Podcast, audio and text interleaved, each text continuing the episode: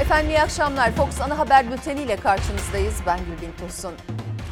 Diyanet İşleri Başkanı Ali Erbaş, Ayasofya'nın fetreti sona erdi sözleriyle yeni bir tartışma başlattı. Muhalefet ayakta. Sosyal medya yasası tartışması tüm hızıyla sürüyor. AK Parti Genel Başkan Yardımcısı Mahir Ünal, yasa kapsamında artık zorunlu olan temsilci konusunda Twitter bir temsilci atamazsa kapanacak mı sorusuna yanıt verdi. Önemli aktaracağız. Tartışması süren Diğer başlık İstanbul Sözleşmesi. AK Parti içinde de iki görüş olduğu kulislere yansıyan bilgi. İddiaya göre sözleşmeye karşı çıkanlar sözleşme nedeniyle boşanma oranları yükseliyor tezini savunuyor. Hepsi ve daha fazlası birazdan ama önce koronavirüs gündemi. Kurban Bayramı için bilim kurulu toplandı ve Sağlık Bakanı alınması gereken tedbirleri bir bir sıraladı. Türk Tabipleri Birliği Covid izleme grubu üyesi Profesör Doktor Özlem Kurt Azap da yapılmaması gerekenleri bir kez daha hatırlattı. Yarın Kurban Bayramı ve kurban pazarlarının en hareketli olacağı gün. Profesör Azap pazarlık çubuğu gibi yanlış uygulamalara dikkat çekti. Sonbahar içinde bir uyarısı vardı. Herkes mutlaka grip aşısı yaptırmalı dedi. Görüntülerde gördük tokalaşmak yerine çubukla tokalaşmak gibi bizim hani şu anda hiç istemediğimiz türde temaslar söz konusu. Dışarıdaki bir şeye dokunduğunuzda elinizi yıkayın diyoruz. Şimdi bir çubuğa dokunan onlarca insan olacak. Aynı e, çubuğa dokunarak hastalık bulaşabilir. Yani bunu konuşmak bile şu anda garip. Sağlık Bakanı Fahrettin Koca da bir bir sıralamıştı Kurban Bayramı tedbirlerini. Uzmanlar bayramda oluşabilecek temastan endişeli çünkü bazı tedbirler ya uygulanmıyor ya da yanlış uygulanıyor. Türk Tabipler Birliği Covid izleme grubu üyesi Profesör Doktor Özlem Kurt Azap kurban pazarlarında kullanılan pazarlık çubuğunun tehlike saçtığını anlattı. El ele tokalaşmak evet uygun değil ama çubukla tokalaşmak da uygun değil. Ya o kurban pazarındaki o görüntüde. evet, Sonuçta yani- biri tutuyor sonra birisi Evet, gelecek bir evet, başka bunu pazarlıkçı tutacak. Olmaz. Yani bunun olmaması gerekiyor. El ele tutuşmamanın karşılığı çubukla tutuşmak değil. Onun da olmaması gerekiyor. Kurban pazarlarındaki pazarlık çubuğu veya düğünlerdeki halay çubuğu. Eller tutuşmuyor belki ama bu kez de herkesin ellediği çubuğu tutmak aynı riski taşıyor. İlker Karagöz'de Çalar Saat'in konuydu Profesör Doktor Özlem Kurtazap. Bilim Kurulu'nun kararlaştırdığı, Sağlık Bakanı'nın açıkladığı Kurban Bayramı tedbirlerine vurgu yaptı. Büyüklerimiz mesela kızar mı? Elimi öpmedi benim torun diye. Kızmasınlar lütfen. El öpmek, kucaklaşmak gerçekten şu dönemde en olmaması gereken şeyler. Eğer bunlara dikkat etmezsek bu hastalıkla başımız daha çok derde girecek. Koronavirüs tablosunda vaka sayılarında günlerdir pek de değişiklik görülmüyor. Değişen tek bir şey var. Bundan sonra ağır hasta sayısı ve zatürre oranı verilecek, yoğun bakım ve entübe hasta rakamları ise verilmeyecek. Günlük vaka sayıları hala bin sınırında. 29 Temmuz'da bir günde 942 kişi koronavirüse yakalandı, 14 kişi hayatını kaybetti. Aşı için Mart-Nisan ayını işaret etmişti Sağlık Bakanı.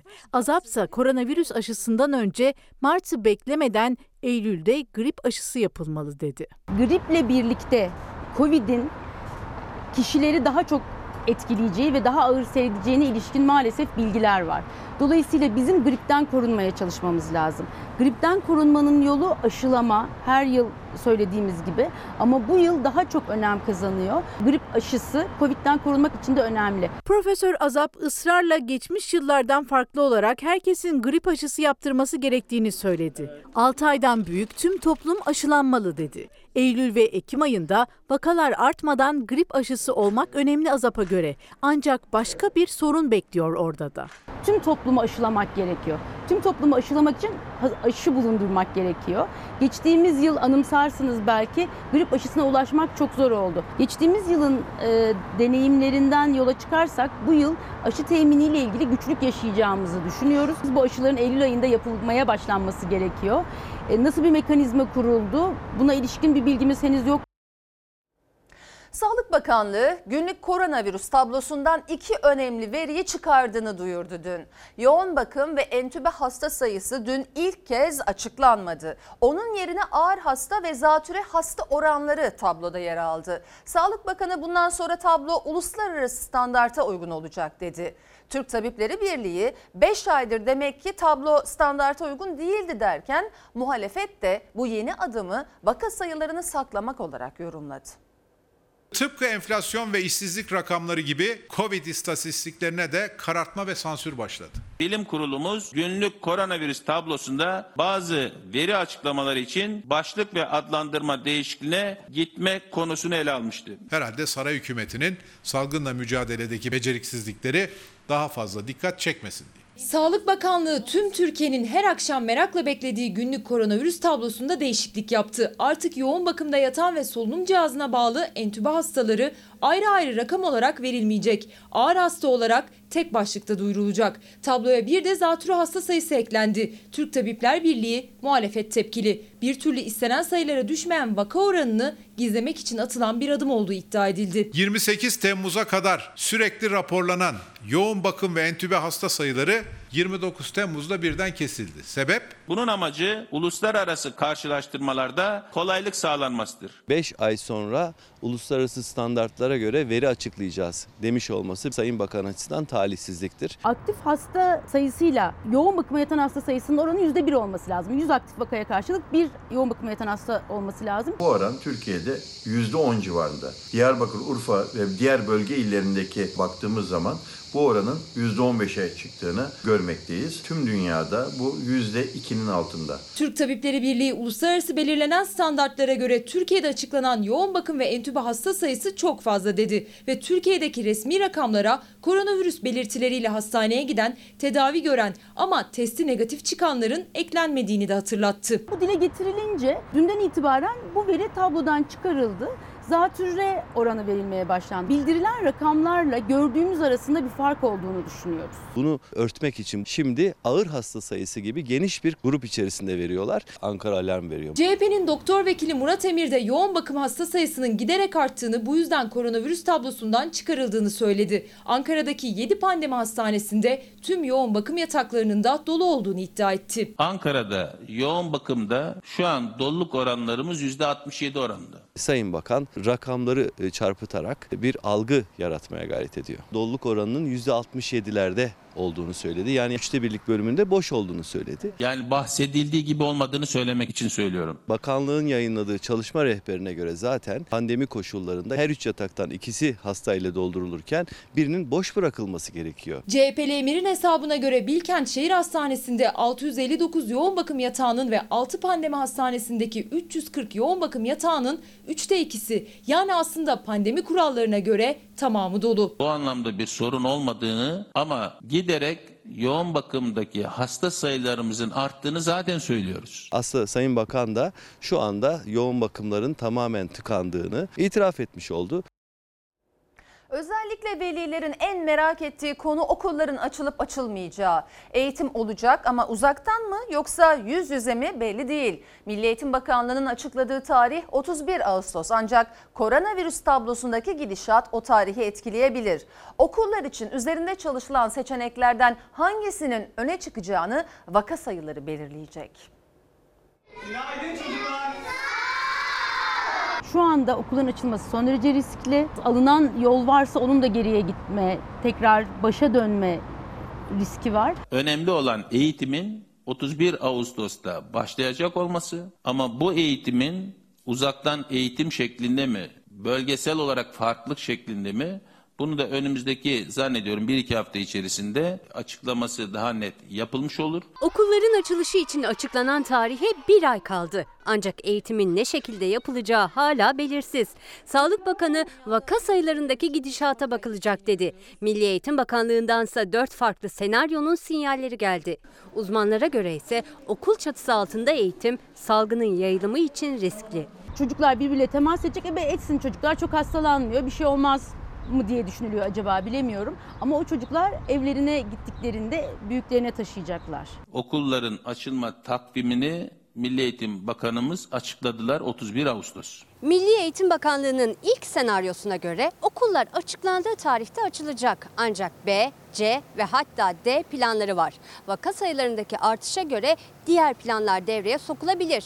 B planı hem yüz yüze hem uzaktan eğitim. Yani neredeyse ok- okul kontenjanı yarıya indirin. Şimdi yarıya indirilebilir indirmek yani çok gerçekçi bir şey değil zaten öyle de yapılamayacak.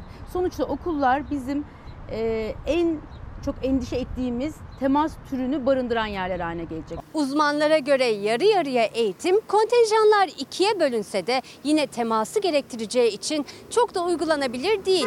Bir diğer senaryo il bazında eğitim. Yani İstanbul'da vaka sayısı çok, okullar kapalı tutulacak. Ankara'da vaka sayısı az, okullar açık kalacak gibi. Sağlık Bakanı da basın toplantısında ipuçlarını verdi. İller bazında bir farklılık söz konusu ise salgınla ilgili gerektiğinde o illere özel farklı yaklaşımlarda devreye girebilir. Milli Eğitim Bakanlığı'nın son şartlarda devreye sokacağı plansa uzaktan eğitim. Yani devlet okullarında EBA TV aracılığıyla, özel okullardaysa internet üzerinden yüz yüze görüşme sağlanarak yürütülen ve koronavirüs tablosunun en vahim olduğu okulların kapatıldığı dönemde uygulanan formül.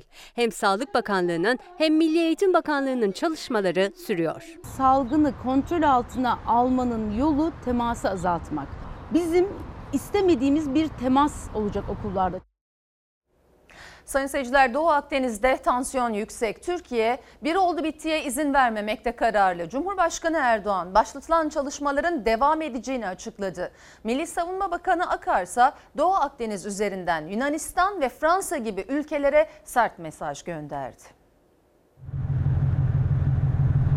Doğu Akdeniz ve Ege'deki haklarımızı korumak için başlattığımız çalışmaları sonuna kadar devam ettireceğiz.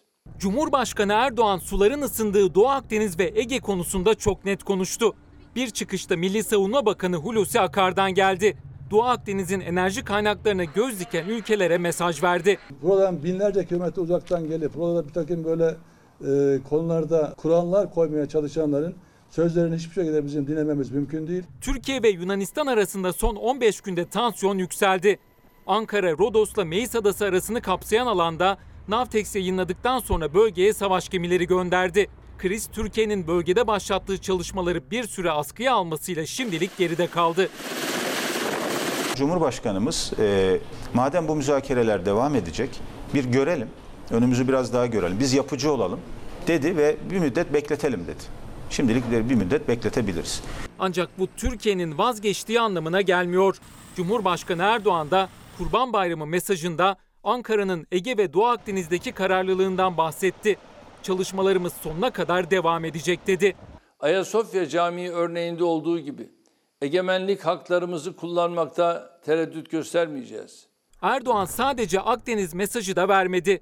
Türkiye'nin terörle mücadelesinin sürdüğü Suriye ve Libya'yı da konuştu. Ağustos ayını işaret etti. Irak ve Suriye'den Libya'ya uzanan geniş bir alanda süren bu mücadelemizi hem kendimiz hem bu ülkelerdeki dost ve kardeşlerimiz için zaferle neticelendirmekte kararlıyız. Tarihimize zaferler ayı olarak geçen Ağustos ayına girmek üzere olduğumuz şu günlerde inşallah evlatlarımıza yeni zaferler miras bırakacağız. Doğu Akdeniz gerilimi Milli Savunma Bakanı Hulusi Akar'ın da gündemindeydi. Türk Silahlı Kuvvetleri'nin komuta kademesiyle Kuzey Kıbrıs Türk Cumhuriyeti Silahlı Kuvvetleri Günü resepsiyonuna katılan Akar, Ankara'nın askıya alma kararının acizlik olarak algılanmaması gerektiğini söyledi. Dünyaya özellikle de Yunanistan ve Rum kesimine mesaj verdi. Bu konuda hiç kimse bize herhangi bir şekilde tesir etmeye, etki etmeye veya herhangi bir şekilde bizi engellemeye kalkmasınlar. Bu konuda kararlı olduğumuzu müteahhit defalar söyledik. Bunları da yerine getireceğiz. Diğer taraftan da hiçbir oldu bitti izin vermeyeceğimizi, burada Türkiye'nin içinde olmayan çözümlerin de hiçbir zaman yaşama şansının olmadığını da belirtmek zorundayım. Akar Kıbrıs meselesinin Türkiye'nin milli davası olduğunu söyledi. Ankara'nın bölgede attığı adımlardan rahatsız olan Fransa Cumhurbaşkanı Macron'a yanıt verdi. Doğu Akdeniz'in güvenliğini Türkiye'ye terk edemeyiz şeklinde e, başı ve sonu tam olarak belli olmayan bir takım sözler var. Bunu söyleyenler tarihlerine baksınlar, tarihimize baksınlar. Türkiye ve Azerbaycan Kafkaslar'da son yılların en geniş kapsamlı tatbikatını başlattı. Hava ve kara tatbikatı adeta gövde gösterisine dönüştü. Paniğe kapılan Ermenistan haddini aştı. Tatbikat için provokasyon ifadesini kullandı.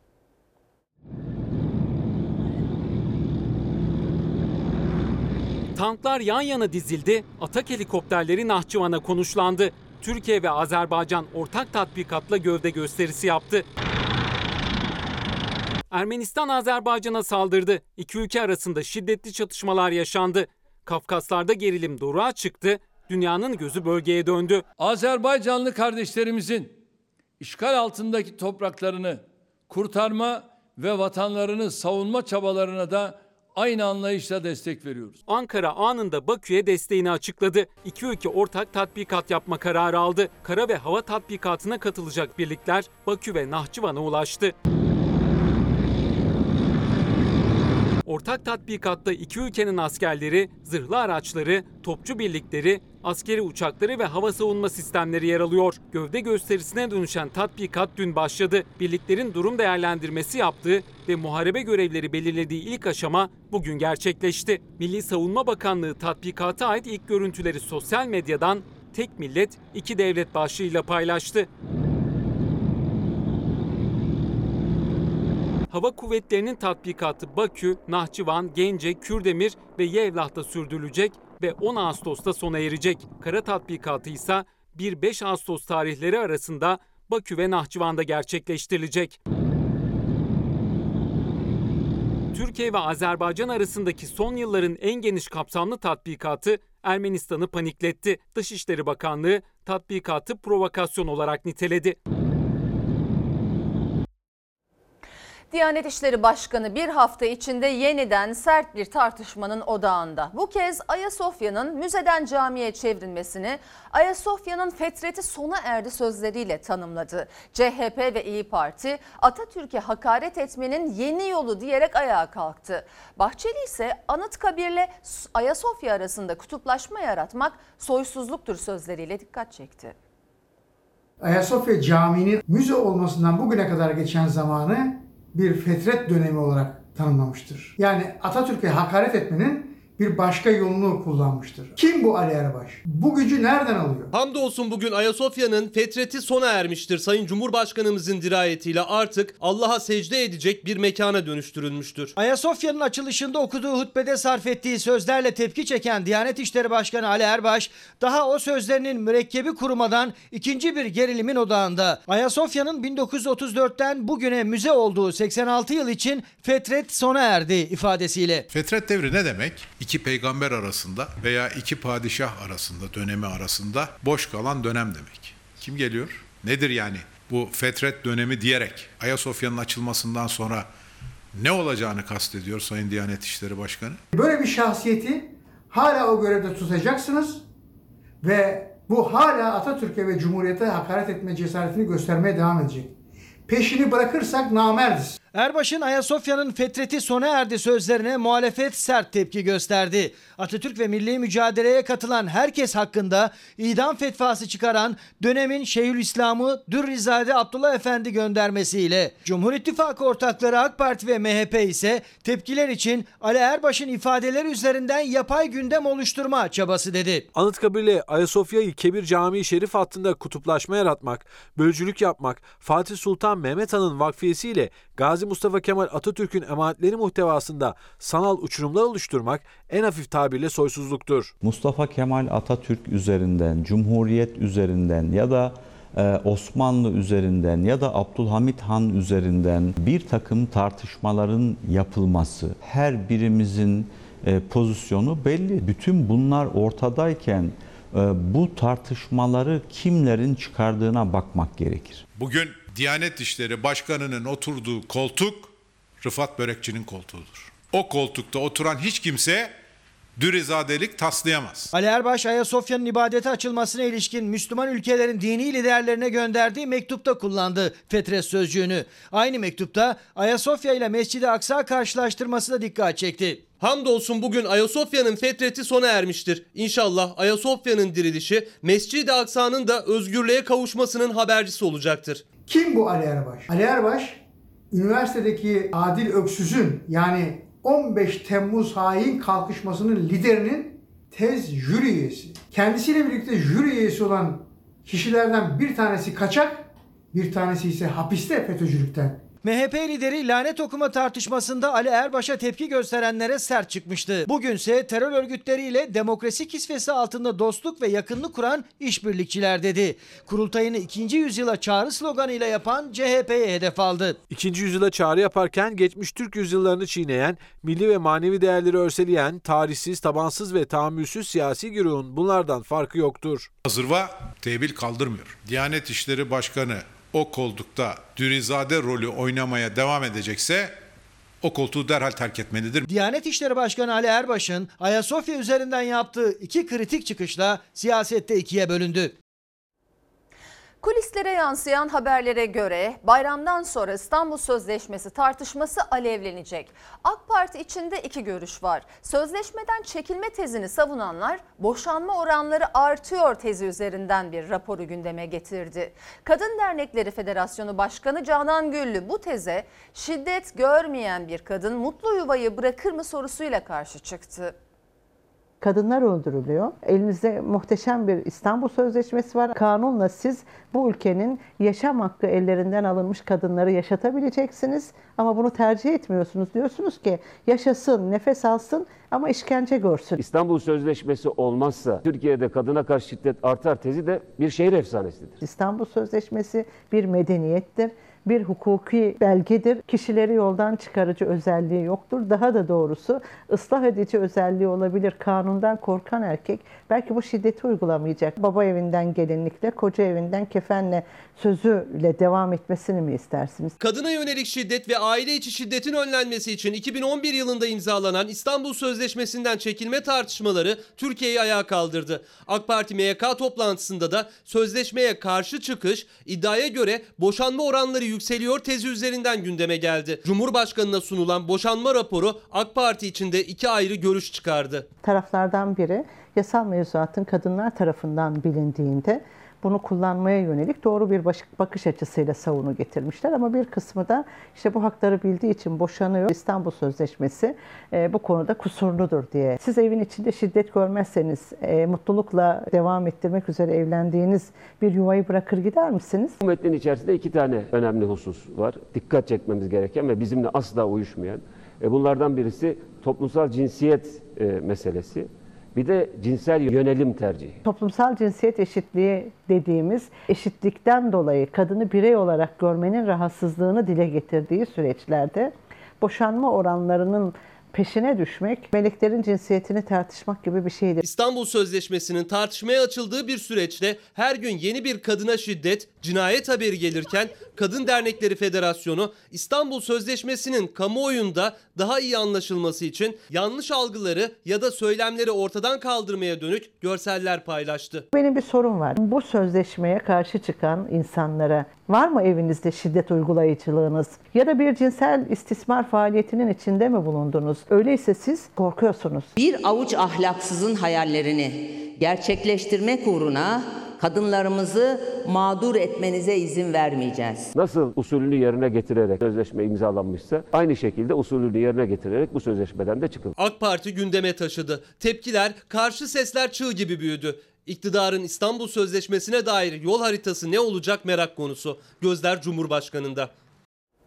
Sosyal medya yasası 1 Ekim'de yürürlüğe girecek. CHP yasaya despotizm, istibdat dönemi yasası dedi. Anayasa Mahkemesi'ne gideceğini duyurdu. İktidarsa sansür değil, siber dünyada hakların korunması dedi.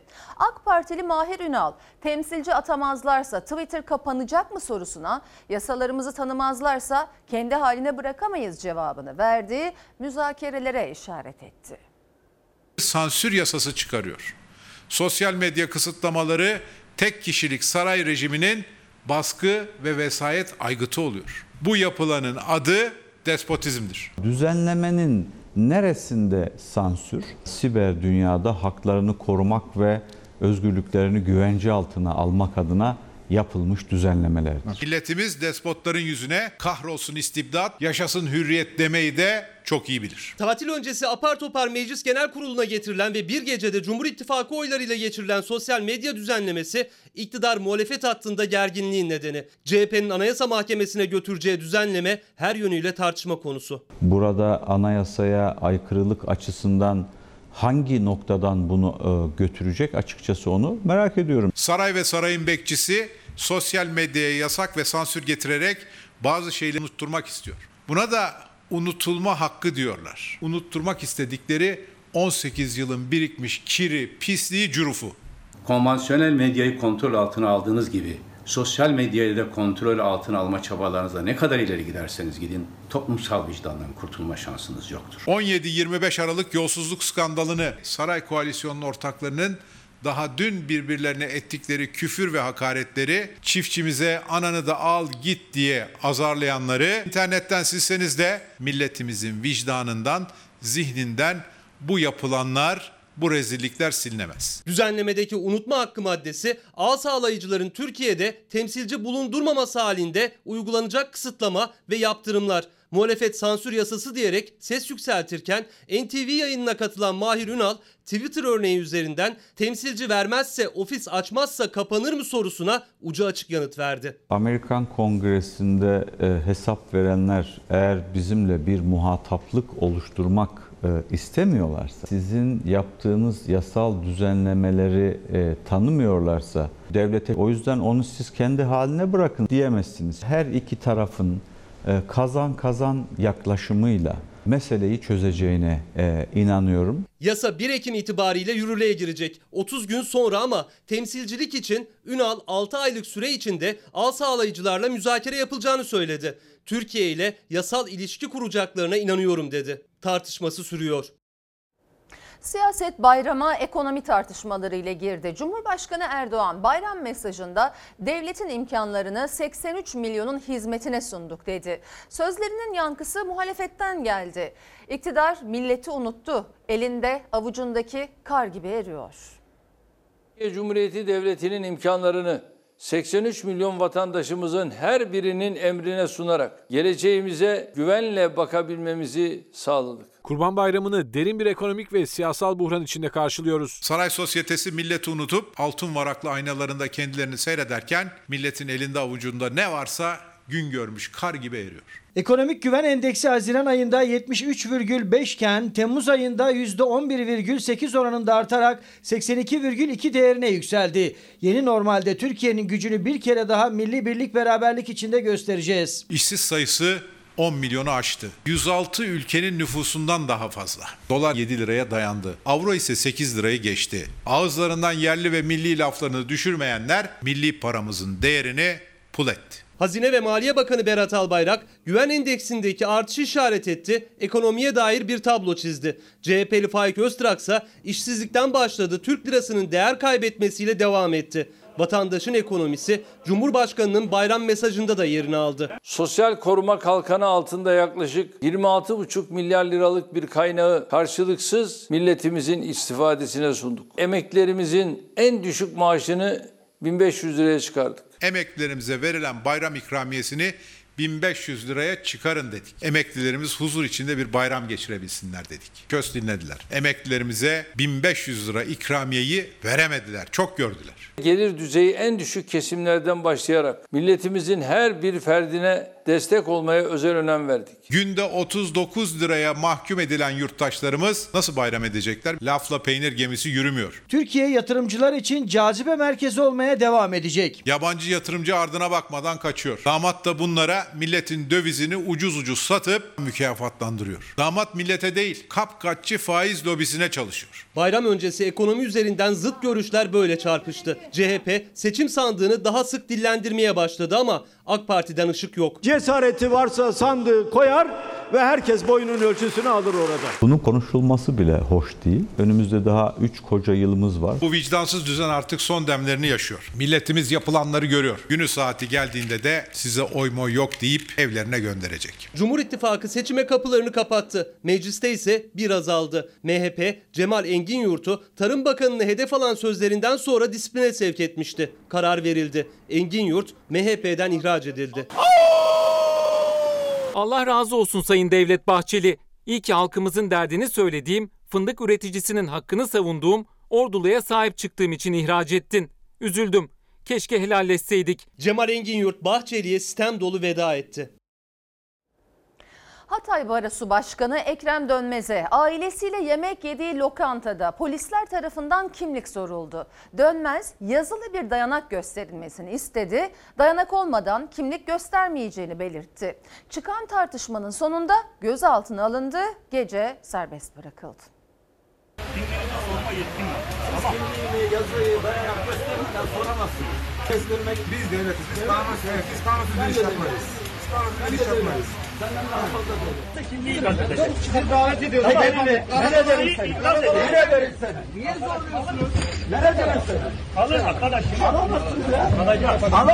Ailesiyle lokantada yemek yerken polisler kimlik sordu. Hatay Baro Başkanı Ekrem Dönmez de dayanak istedi. Yaşanan tartışmanın ardından gözaltına alındı. Tepkilere yol açan olay sonrası Emniyet Genel Müdürlüğü açıklama yaptı. Açıklamada ülke genelinde düzenlenen huzur uygulaması gereği kimlik sorulduğu, polisin kanunlara göre kimlik sorma yetkisi bulunduğu ve göstermenin de zorunlu olduğu ifade edildi.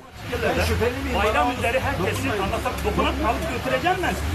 Tamam. Buyurun lütfen. Alıp polis merkezimize gidelim. Dokunma. Öyleyse kimliğinizi Dokunma. verin. Kimliğinizi vermedik. Dokunma. Zorla alıyoruz. Bu memurlar hakkında derhal gereği yapılmalıdır. Bu açıkça hukuk rejiminin, hukuk devletinin ihlalidir. Hatay Barosu Başkanı Ekrem Dönmez, İskenderun'da bir lokantada akşam yemeği yiyordu. İçeri giren polisler Dönmez'den kimliğini göstermesini istedi. Dönmez, bunun bir dayanağının olması gerektiğini belirtti. Kim olduğuna dair bilgi de vermedi. Tartışma çıktı. Kimliğinizi verir misiniz? Ben kimliği yazılı olmadan göstermiyorum. Polis olarak bizim yetkimiz var. Anlatabiliyor muyum? Sizin şüpheli kimliğinizi... Abicim o bizim ihtiyacımız olan. Sizden şüpheli olup olmaz. Buyurun lütfen. Polis merkezimize gidelim. Dokunma. Öyleyse kimliğinizi Dokunma. Yaka paça gözaltına alınan Dönmez gece 1'e kadar karakolda kaldı. Sonra serbest bırakıldı. Polisler hakkında şikayetçi olan baro başkanı sabaha karşı saat 4 gibi de karakoldan ayrıldı. Sizi davet ediyoruz. Beyefendi. Nereye verin seni? Nereye verin seni? Alamazsınız. Alamazsınız. Alacağım. Cep telefonuyla görüntülenen olaya çok sayıda baro başkanı ve milletvekilinden tepki yağdı. Türkiye Barolar Birliği Başkanı Metin Feyzioğlu, Dönmez'in gözaltına alınmasını kınadı. Olayın takipçisi olacağız dedi. CHP de sessiz kalmadı. Liyakat bitmiştir. Memurlar tabi oldukları yasaların farkında bile değildirler. Biz devletiz. Biz kanunsuz, evet, biz kanunsuz bir iş yapmayız. Gördüğünüz gibi kendisine devletim diyen bir polis memurunun e, uygulamasıydı. Bir hukuksuzluk rezaleti. Hatay Barosu Başkanı Dönmez öğle saatlerinde basın açıklaması yaptı. Gece İl Emniyet Müdürü'nün kendisini aradığını anlattı. Geçmiş olsun diyeceğini düşünürken ne gerek vardı Sayın Başkan siz bir baro başkanısınız ayıp değil mi? Neden polislere kimlik göstermiyorsunuz. Dönmez derhal soruşturma başlatılmasını isterken Emniyet Genel Müdürlüğü'nden açıklama geldi. Açıklamada Kurban Bayramı sebebiyle ülke genelinde 29 Temmuz günü eş zamanlı olarak huzur güven uygulaması yapıldığı, polislerin de bu uygulama kapsamında kimlik sorduğu belirtildi. Yasa gereği kimliği sorulan kişi kimliğini ibraz etmek zorundadır denildi. Ayrıca olayda yasaların dışına çıkılmadığı, dönmeze yönelik kötü muamelede bulunulmadığı da ifade edildi. Bir polisin kimlik soracak da olsa, üstünü başını arayacak da olsa öncelikle bunu yasal dayanaklarını, kararını açıkça ifade etmek isteniyorsa göstermek yükümlülüğü var. Biz hukuk devleti miyiz, polis devleti miyiz, kanun devleti miyiz bir karar vereceğiz. Kanal İstanbul güzergahında kalan köylerin yeni imar planına itirazları sürüyor. Kamulaştırmayla yok olacak köyler arasında liman köyleri de var. Karaburun imar planına göre dolgu alanında kalacak. Doğa harikası koyları, en uzun sahil hattı haritadan silinecek. Köyleri gezen İstanbul Büyükşehir Belediye Başkanı İmamoğlu da o köye gitti. Herkesi mücadeleye çağırdı. Buralar nasıldır, nasıl oldu? Ortalık gitti mahvoldu. Bilmeyen bilmez yani. Gözünün gördüğü yer kadar hep yer. Kanal açıldığı zaman buranın ekolojisi bozulacak. Hem karadan hem denizden. Aslında bakana huzur vermesi gereken bu manzara bugünlerde üzüyor, öfkelendiriyor. Son günleriymiş gibi koylarına bakan Karaburunlular da Kanal İstanbul projesine itiraz etti. Yeni imar planına göre proje gerçekleşirse eğer cennet gibi bu koy ve kilometrelerce sahil hattı hafriyatla doldurulacak. Yani 25 kilometre, bir kilometre eninde dolacak. Dolacak. Burası yok olacak aslında. Yani yok olacak. Bir kilometre eninde demek 10 tane futbol sahasını uzun tarafından diz demek. Kanal güzergahında kamulaştırmayla yok olacak köyler günlerdir sesini duyurmaya çalışıyor. Sadece tarım ve hayvancılıkla geçinen köyler değil, İstanbul'un Karadeniz kıyısındaki liman köyleri de gözden çıkarılmış görünüyor. Kanal İstanbul turizm ve balıkçılıkla geçinen liman köylerini de etkileyecek. Şu anda bulunduğumuz yer en uzun sahil hattına sahip. Özellikle İstanbulluların hafta sonu akın ettiği aslında şirin bir sahil kasabası olan Karaburun'dayız. Eğer proje hayata geçerse Karaburun Kanal İstanbul'un Karadeniz'e açılan ağzı olacak ve gemilerin konteynerlarını bıraktıkları bir limana dönüşecek. Zaten havaalanı oldu burada doğru düz balıkçılık yok oldu. Balık popülasyonu yok oldu. Mesela karşıda kum yığınları oldu. En ufak fırtınada bütün limanımızın içi naylon doluyor. Yani limanın içinden normalde çıkamıyoruz bile. Eylül ayında bir gelip görseniz burayı motor çalıştıramıyoruz burada naylonda. Tam da balık sezonu. Yani bizim için hiç iyi olmuyor. Üçüncü havalimanı inşaatından çıkan hafriyatın kıyıya dökülmesiyle başladı aslında buradaki ekolojik değişim. İşte bu dönüşüme şahit olanlar yine aynı soru işaretini Kanal İstanbul projesi için taşıyor. Aynı zamanda yaşanan arsa hareketliliği de köylerin değişmesine neden oldu. Hatta burada demir doğrama yapan arkadaşlarımız bile emlakçı oldular. Ben buna çok karşıyım. Burası Karaburun köyü. Bakanlıktan ya da herhangi bir proje sahipleri gelip bilgilendirme yaptı mı size? Hiç kimse bize gelip bilgilendirme yapmadı. Köyünüzün üzerinden buldozer gibi kanal geçecek hanginizin haberi var kanalla ilgili? Ne anlattılar size? Kimse hiçbir şey anlatmadı. Yeni köylülerle buluşmasından sonra Karaburun'a da giden İstanbul Büyükşehir Belediye Başkanı İmamoğlu dağ tepe gezdi. Kanalın yaratacağı değişimi yerinde gördü. Bölgede iki tane koy var şöyle hemen onun arka tarafı da yine koy dediğimiz yer. Mesela hiç boğulma olayın yaşanmadığı Karaburun'daki tek yerlerden bir Ama tanesi. çok özel bir koy tabii. Evet. Yani hem ilk limanıdır aslında. öyle değil mi? Bu çılgın bir proje değil. Çıldırmış birilerinin yaptığı bir proje. Başka adı yok bunun ya. Kanal İstanbul'un çevresindeki Yenişehir imar planına itirazlarsa bayram sonrasına ama tek bir gün için kaldı.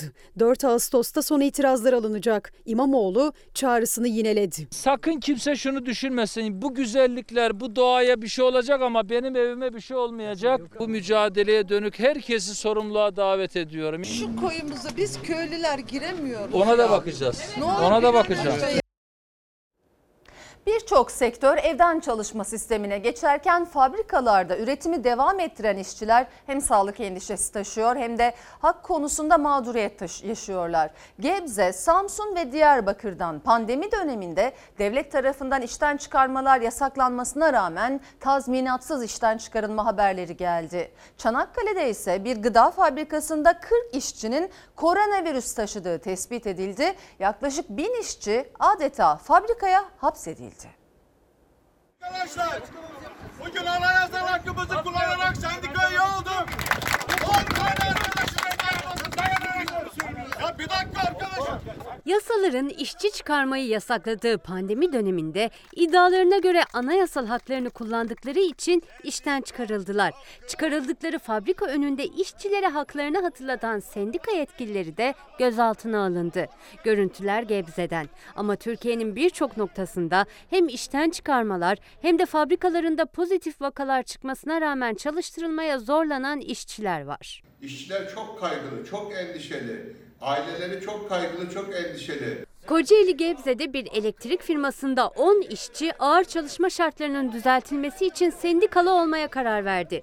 Ancak işten çıkarmaların devlet tarafından yasaklandığı koronavirüs döneminde tazminatsız kovuldular. Fabrikaya gi- gittiğimizde hiçbir kartlarının basmadığını, kartları durdurduklarını gördük. Pandemi döneminde işlerin yasak ol- e, olduğunu biz arkadaşlara söyledik. Biz öyle bir maddeden atacağım ki hiçbir yerde işbaşı yapamayacaksınız ki neticesinde zaten dediğini de yaptık. Sadece onlar değil, Samsun'da 123 ülkeye ihracat gerçekleştiren bir otomotiv yan sanayi fabrikasında çalışan 60 işçi de pandemi döneminde işten atıldı. maskeden dolayı e, işten çıkardığını beyan ederek aslında sendikadan, sendika üye olduğu için işten çıkardı. İşçilerin ortak özelliği Özçelik İş Sendikası'na üye olmaları. İddialarına göre fabrika yönetimi maske takmadıkları için haklarında tutanak tuttu. Sonra da yüz kızartıcı suçları kapsayan 29. madde nedeniyle işten çıkarıldılar ve tazminat alamadılar. Bize vermedikleri iddia Yolduk bu özellik işten çıkardılar ve leke atarak, lekeleyerek işten çıkardılar. Her ne kadar Sayın Cumhurbaşkanı tarafından işçiler mağdur edilmeyecek, işten çıkarılmayacak yönünde konuşmalar olsa da ben ve işçi arkadaşlarım hiçbir gerekçe gösterilmeden işten çıkarıldık. Türkiye'nin doğusunda Diyarbakır'da da bir petrol arama istasyonunda 5 ila 21 sene arasında çalışmış 20 işçi de pandemi döneminde işten çıkarılırken batıda Çanakkale'de işçiler pozitif vakalara rağmen fabrika içinde karantinaya alınarak çalışmaya devam ediyor. Son dönemde 40'ı aşkın işçide COVID-19 testi pozitif çıktı. Çanakkale'de bine yakın çalışanı olan gıda fabrikasında COVID-19 vakaları tespit edildi. Pozitif vakalar tedaviye devam ederken Çanakkale İl Hıfzı Sağ Kurulu'nun kararıyla fabrikada izinli olanlar dahi göreve çağrıldı ve işçiler fabrikada karantinaya alındı. Gece yurtlarda kalıyor, gündüz çalışmaya devam ediyorlar. Derhal bu kararın geri alınmasını, derhal bütün işçilerin yaygın testten geçirilmesini, aileleriyle birlikte yaygın testten geçirilmesini ve 14 gün boyunca da evlerinde karantina altına alınmasını e, istiyoruz. 34 yaşındaki Burcu Erol Bağdat Caddesi'nde yolun karşısına geçmek isterken iddiaya göre yarışan araçlardan birinin çarpması sonucu hayatını kaybetti. Tanıkların dinlenmediği şüphelinin adli kontrol şartıyla serbest bırakıldığı kaza sonrası acılı aile görgü tanıklarını arıyor. Burcu çok hayat dolu bir kızdı. Burcu o benim küçük kızımdı. Gözümün nuruydu benim. Kızımı elimden aldılar. Caniler.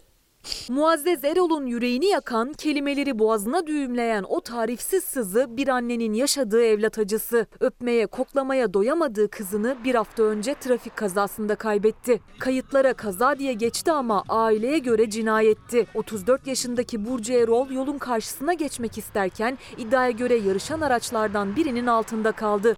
Ancak kazanın ardından ne tanıklar dinlendi ne de şüpheli tutuklandı. Burcu Erol'un ölümüne neden olan kişi denetimli serbestlikle salı verildi. Birkaç kişiyi evet polis alıyor ama o birkaç kişinin ifadesini biz dava dosyasına göremedik. İfadeleri alınmamış yarış yapıyor diyen insanların. Karşı tarafın verdiği ifadeye göre tutanaklar tutulmuş. Eksik beyanla hakim gördüğüne göre karar vermiş. Ufuk Yalçın kaza sırasında Burcu Erol'un yanındaydı. İki arkadaş geçen hafta salı gecesi bir restorandan çıktıktan sonra sahilde yürüyüş yapmak istedi. Ancak onlar karşıya geçmeye çalışırken Yusuf Kağan'ın kullandığı spor otomobil Burcu Erol'a çarptı. Kazanın meydana geldiği yer burası. Maltepe Küçük Yolu, sahil yolu ve burada hız sınırı 50 kilometre olarak belirlenmiş. İşte Burcu Erol arkadaşıyla birlikte bulunduğumuz bu noktadan karşıdan karşıya geçmek isterken tam 3. şeridin olduğu yerde iddiaya göre hızla gelen araç Burcu Erol'a çarptı ve onu hayattan kopardı. Sol şeridi geçtik.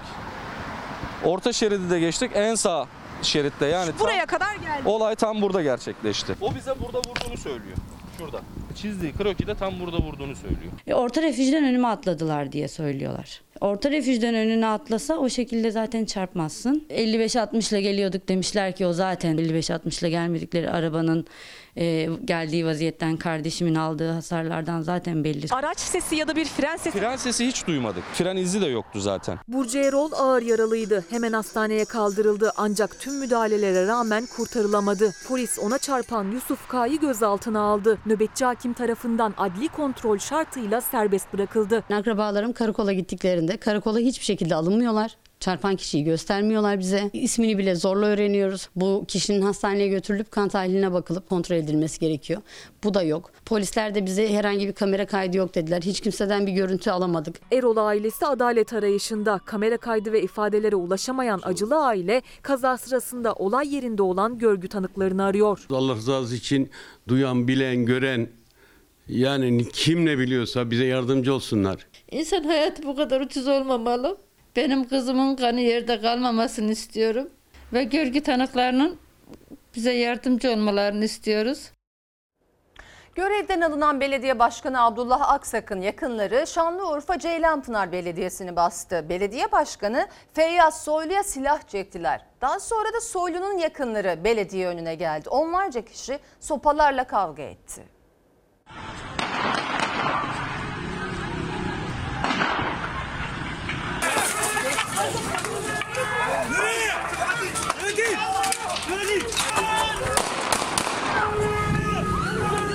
Buçuk ay önce görevden alınan belediye başkanının yakınları Ceylanpınar Belediyesi'ni bastı. Makamında yeni başkan Feyyaz Soylu'ya silah çektiler.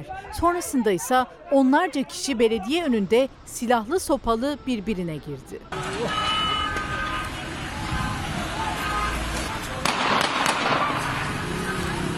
...31 Mart 2019 yerel seçimlerinde AK Parti'den Şanlıurfa'nın Ceylanpınar Belediye Başkanı seçilen Abdullah Aksak... ...Aralık 2019'da YSK kararıyla görevden alındı. Yeni belediye başkanı yine AK Partili Feyyaz Soylu oldu.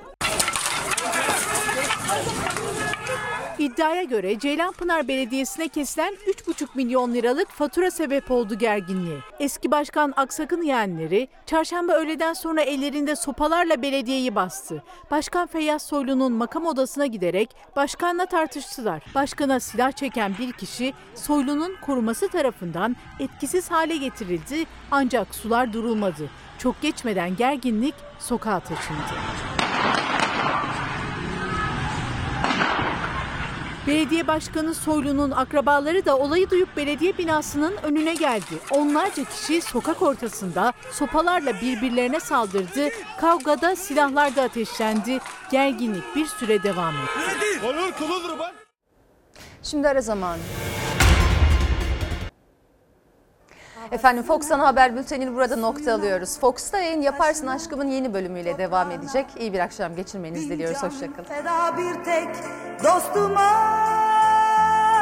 her köşesi